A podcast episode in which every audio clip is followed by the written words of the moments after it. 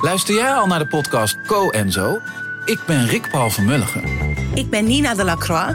En samen met jouw man René voeden wij twee kinderen op in twee huizen. Co-ouderschap. We hebben het over alles wat je daarin tegenkomt. Maar ook over de juice tijdens onze kinderloze dagen, want die heb je ook in het co-ouderschap. Een podcast voor alle ouders in alle vormen, maar ook voor alle mensen zonder kinderen. Zijn we eerlijk, heerlijk herkenbaar. Dus luister naar Co en Zo in je favoriete podcast-app.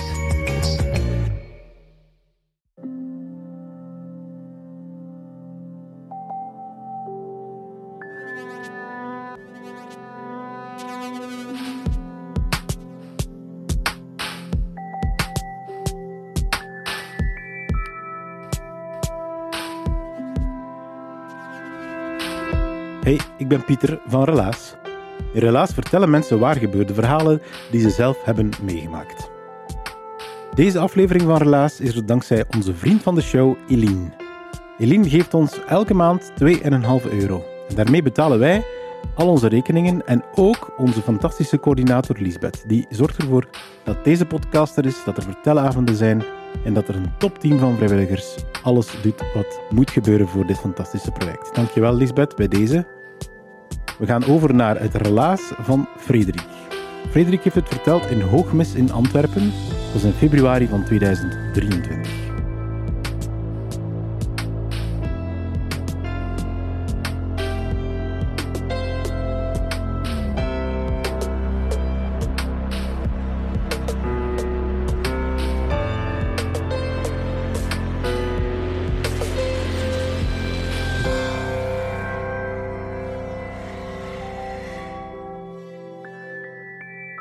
Voor mijn relaas moeten we eigenlijk een paar jaar teruggaan in de tijd. Naar eh, 2020 om precies te zijn.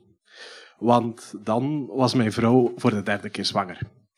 En van die eerste twee zwangerschappen hebben we eerst helaas een miskraam gehad. Maar zijn we dan wel de trotse ouders geworden van onze dochter Zoe. Dus ja, die derde keer dat mijn vrouw zwanger was, dat was zo wat twijfelen van hebben wij nu met dat miskraam, hebben wij daar gewoon ongeluk gehad? Of hebben wij eigenlijk geluk gehad met onze dochter Zoe?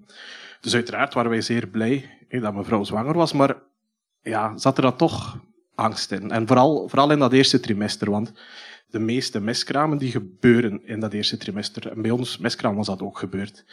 Maar ja, dat eerste trimester, dat kwam en dat passeerde, zonder problemen eigenlijk. Dus ja, die zorgen dat je hebt, dat verdwijnt wat en maakt meer eh, plaats voor meer vreugde en praktische dingen. De kinderkamer beginnen te organiseren, je bent namenlijstjes te maken en te schrappen, totdat we eigenlijk in de zeventiende week kwamen.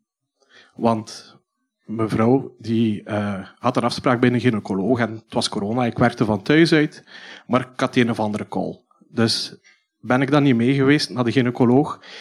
Maar mevrouw weet ook dat ik altijd vrij bang ben als ze naar de gynaecoloog gaat. Dus stuur ze me normaal gezien altijd een berichtje hoe dat geweest is.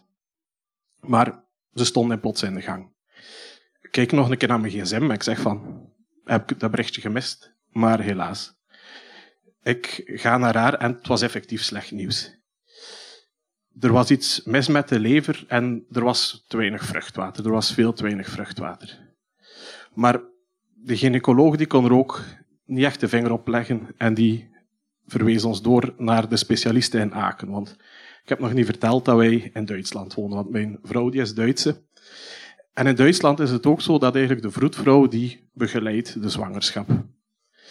Dus wij bellen naar de vroedvrouw en die probeert ons wat hoop in te praten. Die zegt van, het is eigenlijk nog niks echt geweten, alle opties liggen nog open.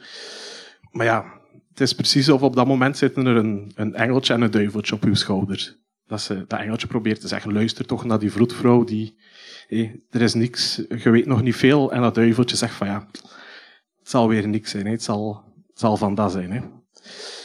Dus wij vertrekken dan samen naar Aken, naar de specialisten, en die, die onderzoekt en die kijkt en, en komt dan met een verdict. Best case scenario wordt het een zwaar gehandicapt kindje en in het slechtste geval is het niet levensvatbaar. Ja, dat, dat slaat natuurlijk in als een bom, dat nieuws. En ja, je begint dan ook te denken van, beste geval, een zwaar gehandicapt, een zwaar gehandicapt kindje. We wilden dat wel, wilden we wel voor ons, willen we dat voor dat kindje. Dat, dat was een stille rit terug naar huis met ons twee. Maar ook die specialisten, die kon er de vinger niet echt op leggen. En die verwees ons op haar beurt door naar het universitair ziekenhuis in Keulen. Wij wonen ver van alle familie, dus ook van de familie van mijn vrouw. En ja, Zoe die was thuis, dus hebben wij dan een oma opgetrommeld die daarvoor Zoe kwam zorgen. En um, ja, dan wij twee met de auto naar de specialist in Duits, in Keulen. Daar, die specialist die kijkt daar, die onderzoekt en die was voornamelijk gefascineerd door een medisch unicum. Die kon er maar niet genoeg van krijgen wat dat het juist was. Maar ja, blijkbaar had hij ook niet echt zoveel kaas gegeten van um, begeleiden van de patiënten. Want langs de neus weg tussen de soep en de patatten zei hij van ja, het kindje is niet levensvatbaar. Op zich, ja, dan weet het op zijn minst. Het is, had natuurlijk gehoopt op een mirakel. Dat, dat ja, engeltje op uw schouder, die is ook ondertussen verdwenen. Je weet het tenminste, je zit niet meer aan het twijfelen. En ja, die beslissing van wilde dat kindje houden of niet, mocht het zwaar gehandicapt zijn, als moesten we niet beslissen. Hè, dan is dan is dat van uw schouders valt. Want je kunt daar op een café kunnen zo over praten. En, maar op het moment dat dat daar is, is dat toch een, een ander verhaal. En dan moesten we eigenlijk een nieuwe beslissing gaan maken van, willen we eigenlijk de zwangerschap aan uitdoen, of willen we die stopzetten?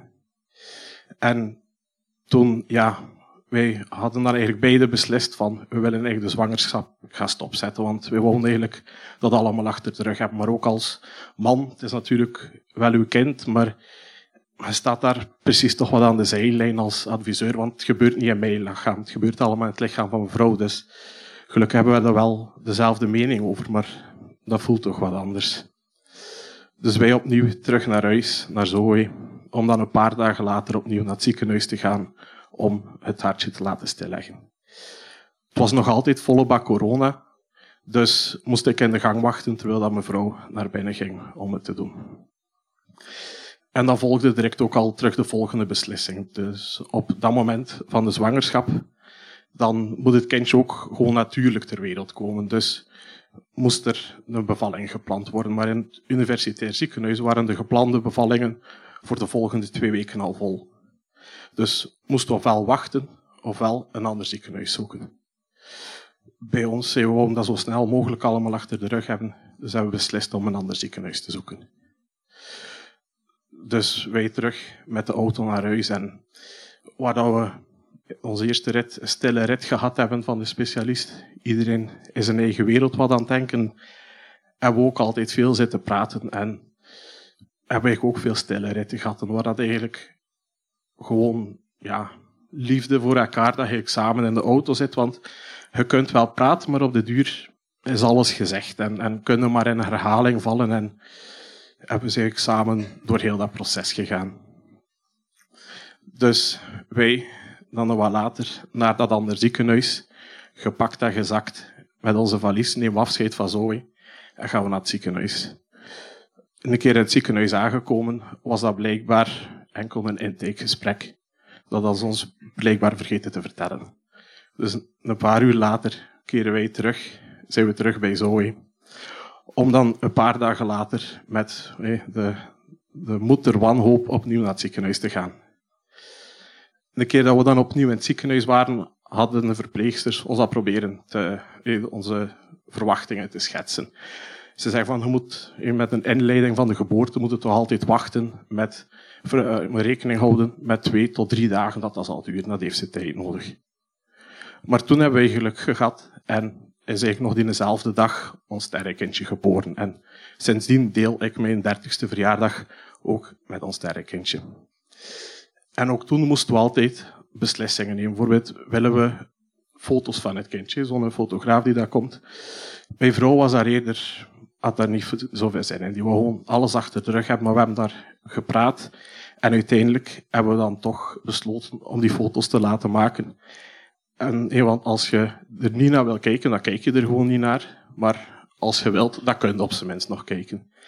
En dat hebben we ook dan gedaan en zijn we ook heel blij mee, want we hebben er later zeker nog naar gekeken.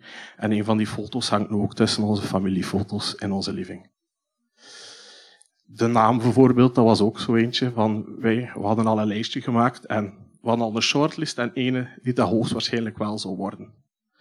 Maar wij hadden die naam nooit gegeven, maar dan nooit uitgesproken. En voor ons voelde dat dan ook niet meer goed om dan nog die naam te geven. Dus tot op de dag van vandaag praten we eigenlijk over ons derde kindje. En is die naam eigenlijk voor altijd gereserveerd voor ons kindje. En dan was het hele de medische rollercoaster, heel het praktische, was dan eindelijk achter de rug. En dan kon het verwerken wat beginnen. Het was corona, dus je mocht niet. Veel vrienden van ons wonen nog in België, maar de grenzen waren toe. Dus wij konden nergens terecht. En we kregen veel eh, goede raad en, en goed bedoelde dingen van vrienden, eh, dat ze zeggen, en familie, dat ze zeggen van, ja, het is de natuur en, en het was toch niet levensvatbaar, maar dat probeer je het gewoon allemaal te rationaliseren. En, en dat voelt niet zo. Het is, het is een verlies dat je verwerkt. En wat dat er ons eigenlijk doorgesleurd heeft, zijn eigenlijk de mensen die er voor ons zijn. Op een bepaald moment was, zat ik echt heel diep ook en heb ik gewoon in onze vrienden WhatsApp groep geschreven van, het gaat niet meer. En uh, toen zijn we een strandwandeling gaan maken in de Haan. Want zoals je waarschijnlijk wel heel licht hoort, hoort kom ik uit uh, West-Vlaanderen. dus zijn we dan eigenlijk met mijn jeugdvrienden gewoon een strandwandeling gaan maken in de Haan. En ja, zo'n momenten, gewoon vrienden, familie die er zijn, dat heeft ons eigenlijk doorgetrokken. En dan komt mijn 31ste verjaardag er ook aan, dus het jaar nadien. En verjaar op de 19e november. En voor mij is eigenlijk een dag dat ze mogen die schrappen. Weet je. Ga maar van de 18e naar de 20e. Toen moet niet meer voor mij. Maar Zoe, die op dat moment dat mijn kraam was, één jaar was, was dan twee jaar. En waar ik eigenlijk liefst van al zou hebben dat ze mijn verjaardag overslaan, is dat voor Zoe een evenement van een week.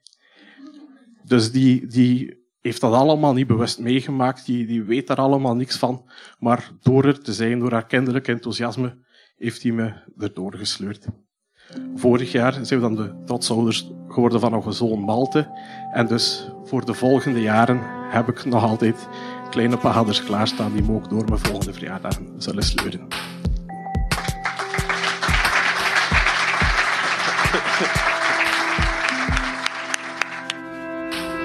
Dat was het relaas van Frederik. Een hoopvol relaas met een moeilijk thema.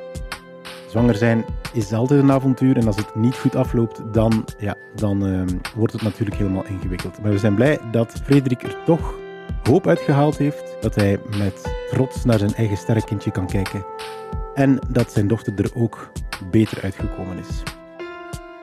Wij organiseren vertelavonden in Gent, Antwerpen en ook in Brugge. En die bestaan dankzij de afdeling cultuur van de Vlaamse gemeenschap en die van de stad Gent.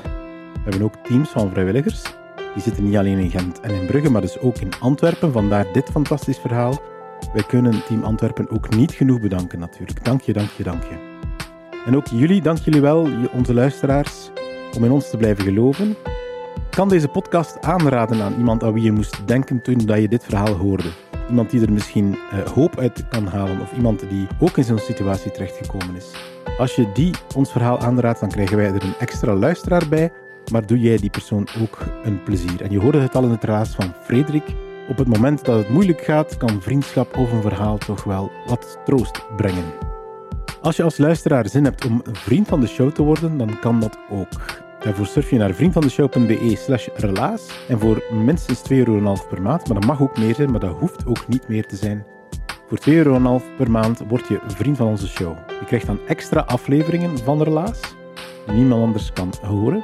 Je wordt ook uitgenodigd op een bijzonder uh, exclusief relaas vertelavond in Gent. Wat krijg je er nog voor in de plaats? Ah ja, je krijgt ook een shout-out. In het begin van de aflevering noem ik altijd een van onze vrienden van de show. Dus uh, als je het daarvoor ook wil doen, dan kan dat. vriendvandeshow.be slash relaas.